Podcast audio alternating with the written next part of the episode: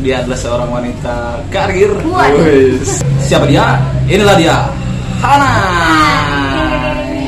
Fashion itu yang kayak aku pakai sekarang ini yang gak branded Promosi tapi ternyata. Uh-uh. Iya.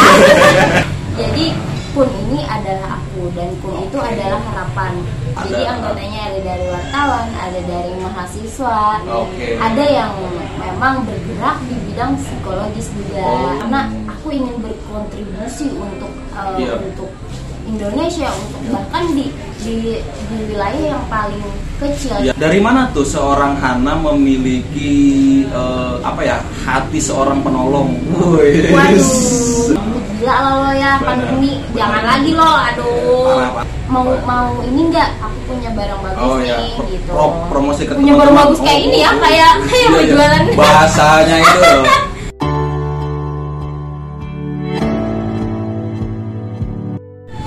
Baik, assalamualaikum warahmatullahi wabarakatuh. Balik lagi sama aku Cacing di podcast sinopsis kehidupan.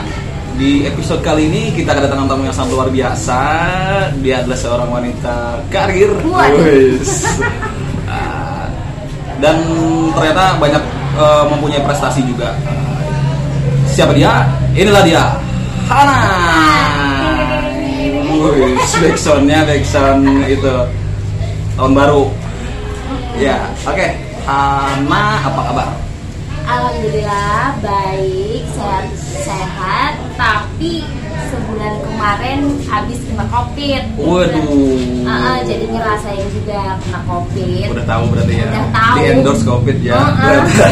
Udah mau meninggal aja Wih. rasanya. Bahaya sekali. Nah, terus eh, kalau boleh tahu sekarang eh, kesibukannya apa aja sih? Sekarang kesibukannya udah sibuk-sibuk banget ya. Ya. Dan kali ini eh, ini juga lagi eh, sibuk dagang trip. Kalau Oh. kalian tahu. Apa Eh, itu? Trip itu adalah baju bekas, uh, branded, preloved dan lain-lain yang Zara, Puma dan lain-lainnya itu. Nah, tapi uh, edisi ada yang edisi vintage itu, Oke. itu yang nggak keluar lagi tuh bang. Itu Oke. susah banget dicarinya dan Rare ya ini ya. Iya, Oh. dan juga ada yang fashion, yang fashion itu yang kayak aku pakai sekarang ini yang nggak Wih. branded Promosi tapi ternyata. Uh-uh, iya. Tapi barangnya Iya, iya. itu barang dari Bal Korea gitu. Ush, jauh ya. Iya, Dari luar negeri semua nih barangnya. Hmm, Oh. nah, itu Iya, jadi iya. sekarang kesibukan aku lagi dagang-dagang gitu Dagang aja lagi. sih sama Yoi. kerja Yoi. sama di organisasi juga. Iya. Simpan dulu promosinya Oke. nanti. Kita ada sesinya juga sesi untuk promosi-promosi. Oke. For your info, ternyata Hana ini dulu ya mungkin ya pernah eh, jadi duta shampoo. Wis, bukan dong, duta pariwisata. Eh, Nah, iya. gimana tuh ceritanya tuh jadi Nah. duta pariwisata? Mm-mm. Jadi waktu itu eh, udah lulus SMA tahun Oke. 2020 itu udah Hmm. dua tahun lulus SMA Iya. karena nggak ada kerjaan juga Mhm. nggak ada yang bisa di apa ya rasanya kayak sepi aja gitu Iya, iya. terus ada dari eh, dinas eh, kebudayaan dan pariwisata itu ngadain eh, duta wisata Oh. ngadain duta wisata yang mana di sini ini aku itu Iya. kalau bisa dibilang kecebur itu kecebur banget Wis, kenapa? Kenapa? Kenapa? Karena waktu itu aku lagi kerja di uh, PAUD karena aku Oh, dulu ngajar. ngajar Oh. PAUD juga karena aku suka anak-anak juga. Terus? Terus waktu itu ada mama dari murid aku ini uh, ngajakin gitu. Nah, Hmm. ayo dong ikut wisata gitu. Karena kita perlu orang-orang yang yang suka berkesenian, Oke. suka itulah pokoknya.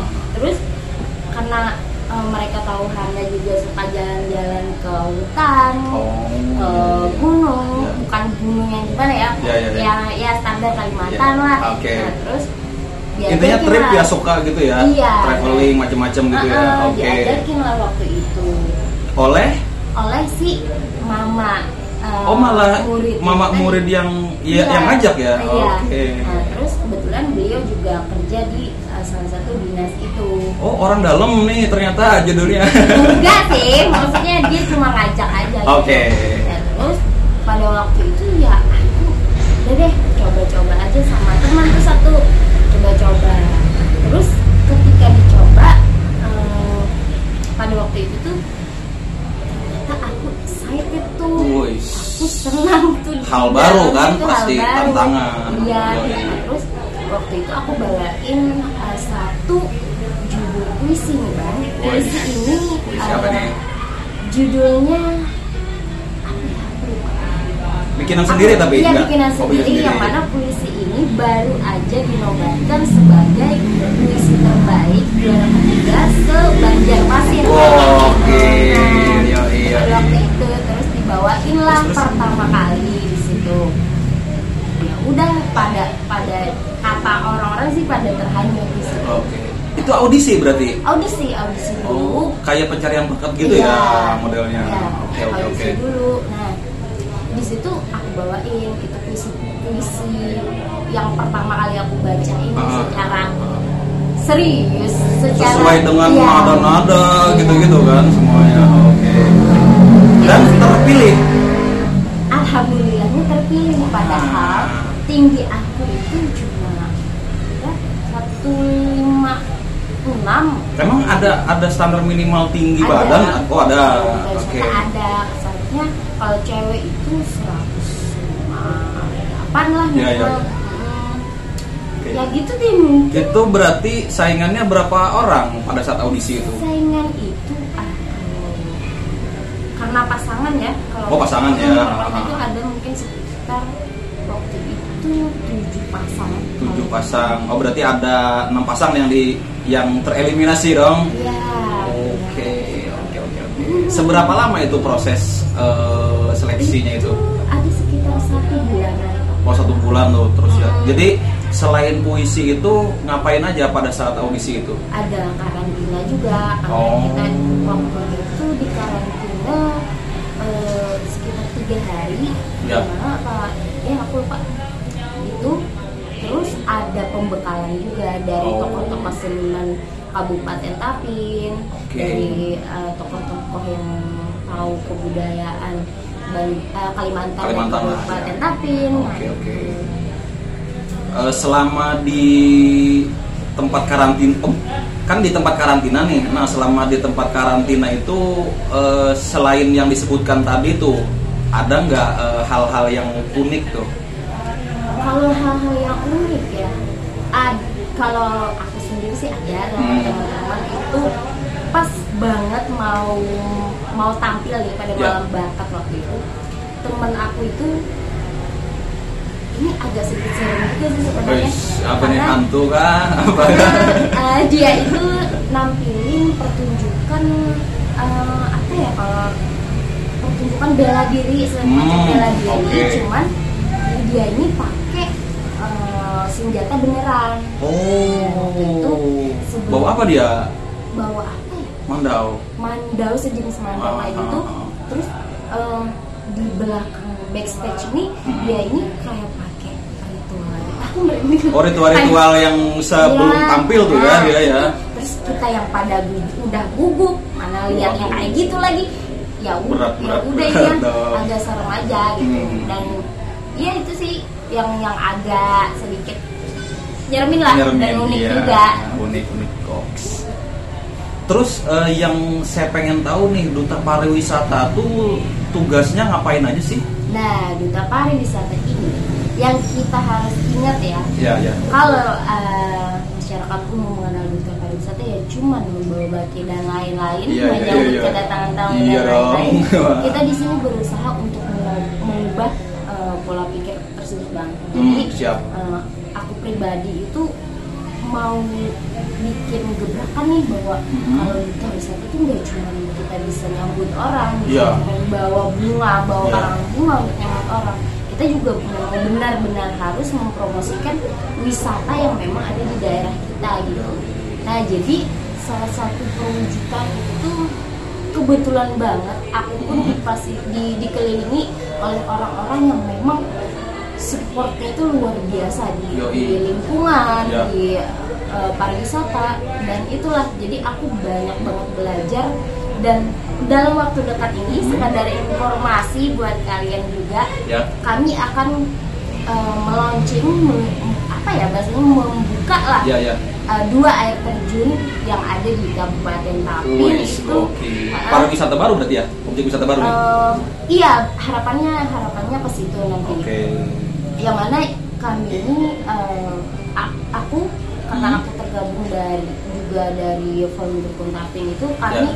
eh, berusaha membina eh, masyarakat di dusun Mungguringkit Bang. Nah, Oke. dusun ini itu di perbatasan Kabupaten Banjar dan Kabupaten Tapin. Yoi. Nah, jadi ujung- Pedalaman berarti ya? Bisa dibilang Iya kan? pedalaman. Jauh dari mana-mana Nah, nih kan? Iya. Iya. Nah, jadi di ujung kampung ini kami mendedikasikan lah ibaratnya semua uh, The real hero berarti ini dia. Ya, amin, amin. Berarti sampai sekarang masih aktif sebagai duta Masih. pariwisata? masih kalau sekarang Oh. masih karena sayangnya itu setelah tepat setelah pemilihan itu Hmm. pandemi menyerang dan akhirnya kegiatan-kegiatan Objek pariwisata pun Iya. babak belur juga ya Iya. di sektor pariwisata kan ya. Dan program yang udah kami susun Dicanangkan sudah dengan sedemikian rupa boyar. Iya. Oke. Oke berbicara tadi ada disinggung tuh mengenai kun. Apa itu kun? Nah, Asik. PUN ini adalah organisasi yang bergerak di eh, kemanusiaan dan Oh, oke. alam, Bang. Iya. Kun itu singkatan. PUN, nah buat Nah. teman-teman kalian Iya, iya. semua banyak banget yang nanya kalau PUN itu kepanjangannya apa? Nah makanya kan Nah, karena tiga huruf doang hmm, kan. Kalau PUN Nah. ini eh, kami sendiri memahami arti PUN ini tidak ada kepanjang, eh tidak ada kependekan dan Hmm. kepanjangan dari Ya apa pun. kepanjangan dan kependekan Iya. boleh pokoknya dah. itu Bebas. nah, jadi pun ini adalah adalah suatu gerakan yang mana artinya pun ini adalah aku jadi Oke, dalam bahasa apa itu? itu ada dalam bahasa Sanskerta Oke. di eh, adalah nanti Ya, kalian ya, cari ya, ya. saja Nanti saja Iya. sendiri dong. jadi pun ini adalah aku dan pun itu Oke. adalah harapan nah, Oh, jadi mul- apa? eh, ada banyak arti ya? Iya. Nah, jadi eh, ketika kita sudah gabung dengan uh, Pun Humanity System ini, Oke. berarti di situ adalah harapanku dan harapan untuk semua yang yang memerlukan jati dirinya lah. Hmm. Artinya mereka eh di Kun ini kita bisa melakukan apa pun dan bisa membantu siapa pun Oke. yang memang membutuhkan. Oke, nah ini menarik banget ceritanya. Saya pengen tahu nih bagaimana awal mulanya Kun ini didirikan nih. Nah, jadi kun ini didirikan itu sudah sejak eh, kurang lebih dua tahun yang lalu, Oke. yang mana di sini terjadi awalnya eh, de- ada kolaborasi dengan mahasiswa Oke. dan terjadilah eh, pada saat itu berbarengan dengan si foundernya ini Teh Ya. Cimit dan Bang eh, Bang Chandra sendiri Oke. itu eh, ngajakin nih bahwa Tapin mau nggak nih jadi volunteer Ah, jadi pada saat itu kegiatan kita paling pertama itu kolaborasi dengan mahasiswa membagikan masker Oke. Pada awal-awal masa pandemi ya itu ya. Iya. Ah, ah. Terus dari kegiatan itu apakah langsung terbentuk oh kita harus bikin organisasi nih atau seperti apa kira-kira? Iya, karena memang pun ini kan memang sudah ada di kota-kota lain, bang. Oke. Seperti dari di Lombok, Palu dan lainnya. Dan oh ada itu ya Iya, di, ada. di di apa di di tiap-tiap provinsi ada gitu iya, ya. ada ininya. Di. Lombok, Palu. Cuman Banjarmasin ini euforianya tuh besar, namun nggak ada eh, satu apa Wadah ya, wadah, wadah. wadah yang, yang resmi gitu. Terus dibentuklah si Oh, Volunteer Kuntapin. atas dasar itulah Iya. berdirinya Kun ini. Jadi uh, waktu itu kami ad- ada beberapa kegiatan yang sudah kami lakukan itu yaitu uh, food emergency response yang mana kami membagikan 100 paket sembako di seluruh Wih, pelosok Kabupaten keren. Nah, Nah, sih. terus kalau misalkan kalau boleh tahu nih kegiatan di Kun ini apa aja sih yang se- se- yang secara garis besarnya aja deh.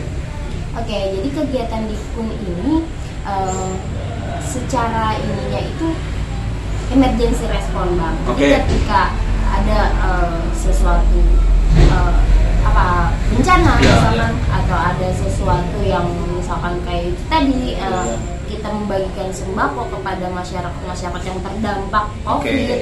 Nah itu kita turun bang. Oh turun turun ke apa ke masyarakat juga Iya. ya untuk mem- membantu di sana ya. Mm-mm. Oke.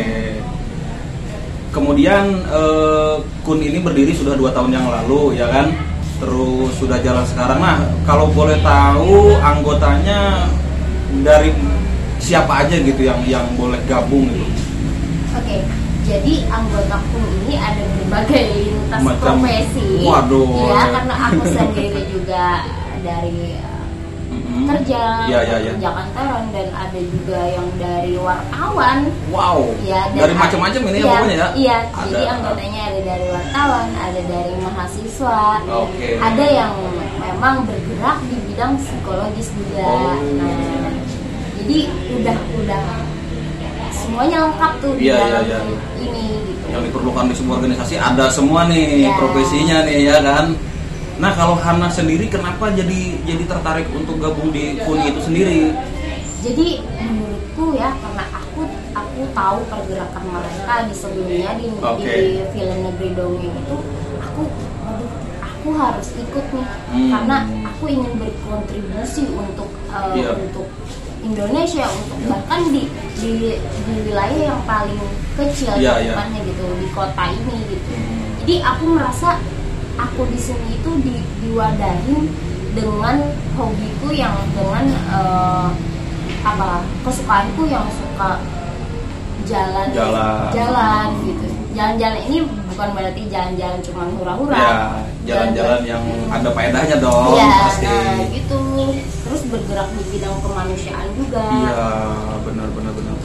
Dari mana tuh seorang Hana memiliki eh, apa ya hati seorang penolong? Waduh.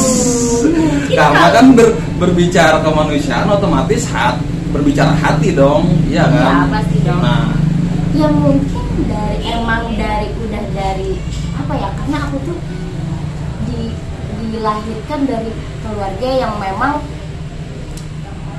ketika bertemu dengan orang yang merasa perlu dibantu itu kita memang diajarkan untuk bantulah mereka walau sedikit gitu jadi aku terbiasa dengan dengan pola-pola yang seperti itu Oh. mungkin juga ke bawah sampai sekarang terlatih dari apa didikan dari keluarga juga ya, Ya, ternyata ah, mungkin. mungkin ya secara tidak langsung mungkin ya. Sama- ah. sama itu tadi sih kata aku kalau lingkungan eh, pergaulanku pun mendukung terhadap apa-apa yang yang Oh. yang berkaitan dengan itu gitu karena memang salah satu yang membentuk jati diri pun adalah lingkungan juga Ya, ya. benar Ah, ah. Oke.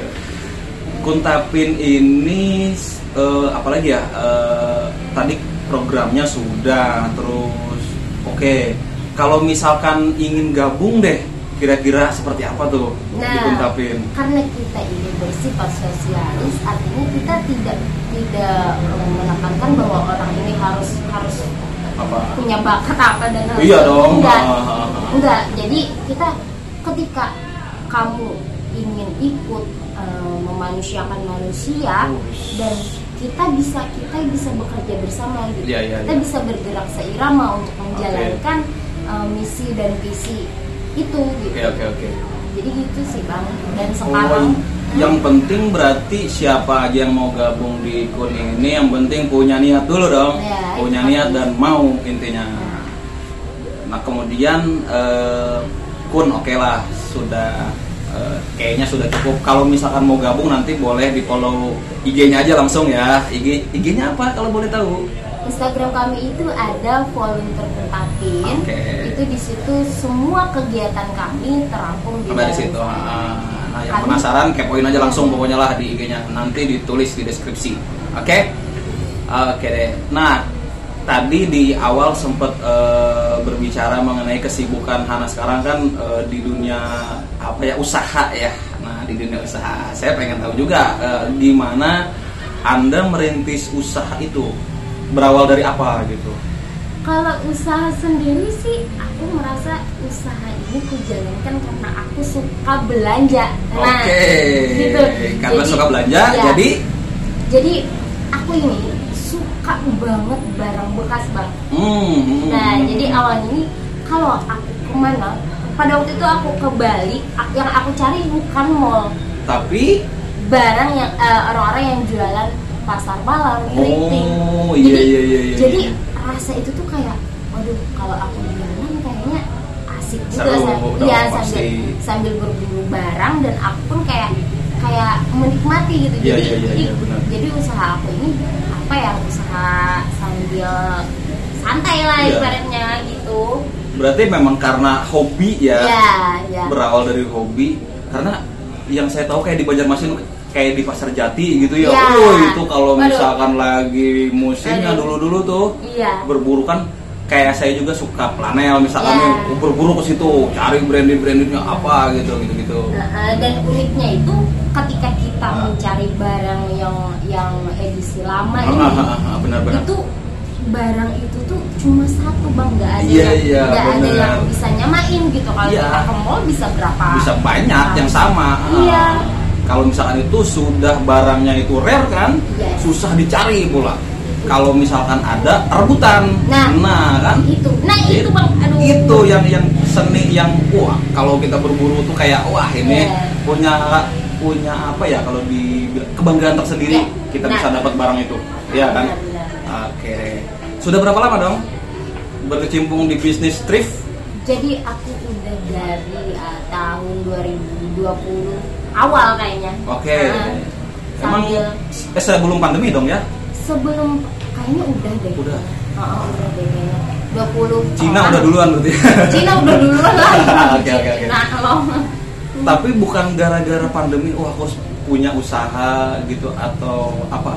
ya itu salah satu Salah satu- sih, oh, salah satu Karena kita alasan. perlu jajan juga kan Oh, Aduh, berat, pusing. berarti yang tadi itu hanya hanya apa ya pengalian isu dong. Nggak juga sih iya Oh, ya iya. Berarti gara-gara pandemi, oh saya perlu uang juga nih. Iya. Bagaimana caranya menghasilkan dari hobi ta- itu tadi kan ya? Ah, Aduh, gila lo lo ya Bener, pandemi bener. jangan lagi lo aduh parah parah parah parah kayaknya hampir di semua sektor ya pariwisata di sektor pertanian di di macam-macam ya Semuanya, gitu aduh. Heeh. Aduh. bioskop juga waduh kacau pokoknya parah nah kemudian eh, susahnya membangun usaha sendiri itu apa sih menurut Hana? susahnya karena kalau untuk lagi awal-awal Hmm? aku dalam uh, kurun waktu setengah jam tuh Hmm. dalam kurun waktu setengah jam aku keluarin 14 pieces uh, crew neck Oke, setengah jam habis wis gokil. tapi sekarang karena udah uh, makin marak ya Iya, udah banyak sekarang ya. ya udah banyak bukan saingan sih udah banyak peminatnya Iya. dan udah banyak yang jual juga jadi Oke. sekarang ya bagi-bagi rezeki aja sama Iya. yang lain gitu Mantap, mantap. Awal memulai itu apakah punya toko sendiri atau online atau seperti apa? Re? aku sampai sekarang online banget Wis, Heeh. tapi kan gara-gara online itu jadi apa ya kayak kayak nih saya ada ada fakta mencengangkan Hmm. ya kalau di dibilang ya di fenomena di era tahun 2020-2021 ini anak-anak muda itu bangga sekali loh punya usaha sendiri dan itu Ya, online gitu. benar Maksudnya dia kayak punya oh ini pride tersendiri Ya. gitu. Jadi Nah. kalau misalkan bikin usaha baru online itu bukan hal yang memalukan gitu ya Iya. kan? Heeh. buat apa malu kalau Nah, kita bisa betul. cari uang dengan halal Yoi dan, mudah juga kan dengan mudah. sosial media Sosial sekarang media sekarang sudah wah gila-gilaan pokoknya kayak jualan itu kalau nggak pakai sosmed kayaknya udah ketinggalan zaman Iya, gitu bener. Iya kan? Nah, sekarang eh, ibu-ibu yang jualan ikan di pasar itu yang Ah, yang ah, ah. di fermentasi pun udah ada Instagramnya gitu ya, gitu-gitu. udah ada jadi udah pakai sosmed gitu. ngapain nggak Iya. pakai sosmed Gaptek gitu. dong. Iya. Berarti awal mulanya itu jualan selain online itu apakah promosinya dari mulut ke mulut atau seperti apa? Nah jadi uh, waktu itu memang aku uh, apa ya? Memang aku nekat aja sih Oh, jualan online iya, dan iya, iya, iya. dan ya di pertemananku itu ku, ku, ku ini mau Apa? mau ini enggak aku punya barang bagus Oh nih ya, gitu. pro- promosi ke punya barang bagus kayak Oh, ini ya oh, kayak oh, kayak iya, mau iya. jualan. Bahasanya itu loh. Saya punya barang bagus. Iya, kayak jualan ini. Parah, parah. Ya, ya terus terus. Eh, jualan ke temen kan Iya. na- nawarin ke teman-teman terus dari teman punya teman Iya. jualan ke teman-temannya Nah. teman gitu wah pusing juga ya ternyata promosi dari mulut ke, ke mulut juga salah satu yang paling terbaik juga ya ternyata apa sih hal terberat memulai usaha itu kira-kira hal terberat itu di modal karena kita Oke. kadang kadang banget kita memang harus rela dengan modal eh, misalkan 80.000 ribu misalkan Iya. satu satu bajunya itu 80.000 ribu oke kita harus memang rela dijual itu nggak sebanyak untung untungnya itu Oh, iya, nggak iya. bisa itu yang yang nggak bisa kadang- banyak ambil untungnya Eh, gitu ya karena Ah, ah, kita ah. juga menyesuaikan pasar Betul. karena kita eh, kalau aku sih menyasar ke anak-anak muda milenial sekarang oke. itu ya kayaknya banyak juga sih uang jajannya ya. Uang jajannya Cuman anak-anak agak- anak sekarang banyak pasti ya. Ah, ah, ah. kelemahan aku di dagang ini ya bang ya. Jadi aku tuh nggak bisa kalau ditawar. Oh. Gitu. aku tuh nggak bisa kalau ditawar. Mending jangan beli da- daripada nawar gitu ya? Itu. Iya kan? karena aku nggak tega. Oh kadang pikiran itu jangan-jangan dia mau cuman hmm, nggak cukup uang Nggak cukup gitu. uang Jadi, Ah, ah, ah. nah itu benar sih bisa jadi sih Heeh. terus ba- bagaimana tuh cara mengatasi eh, permasalahan seperti itu dalam dunia usaha ini Hmm, kira-kira kayaknya banyak-banyak apa ya banyak-banyak bersyukur aja Wes. terus em, kita jangan inilah jangan apa ya jangan mau punya harapan besar wah aku jualan ini aku lekas kaya ya, apa. ya jangan nggak jangan mungkin punya mimpi langsung cepet Iya. kaya. Ya bener Nah, sih. pelan-pelan sih iya iya iya. Pelan-pelan.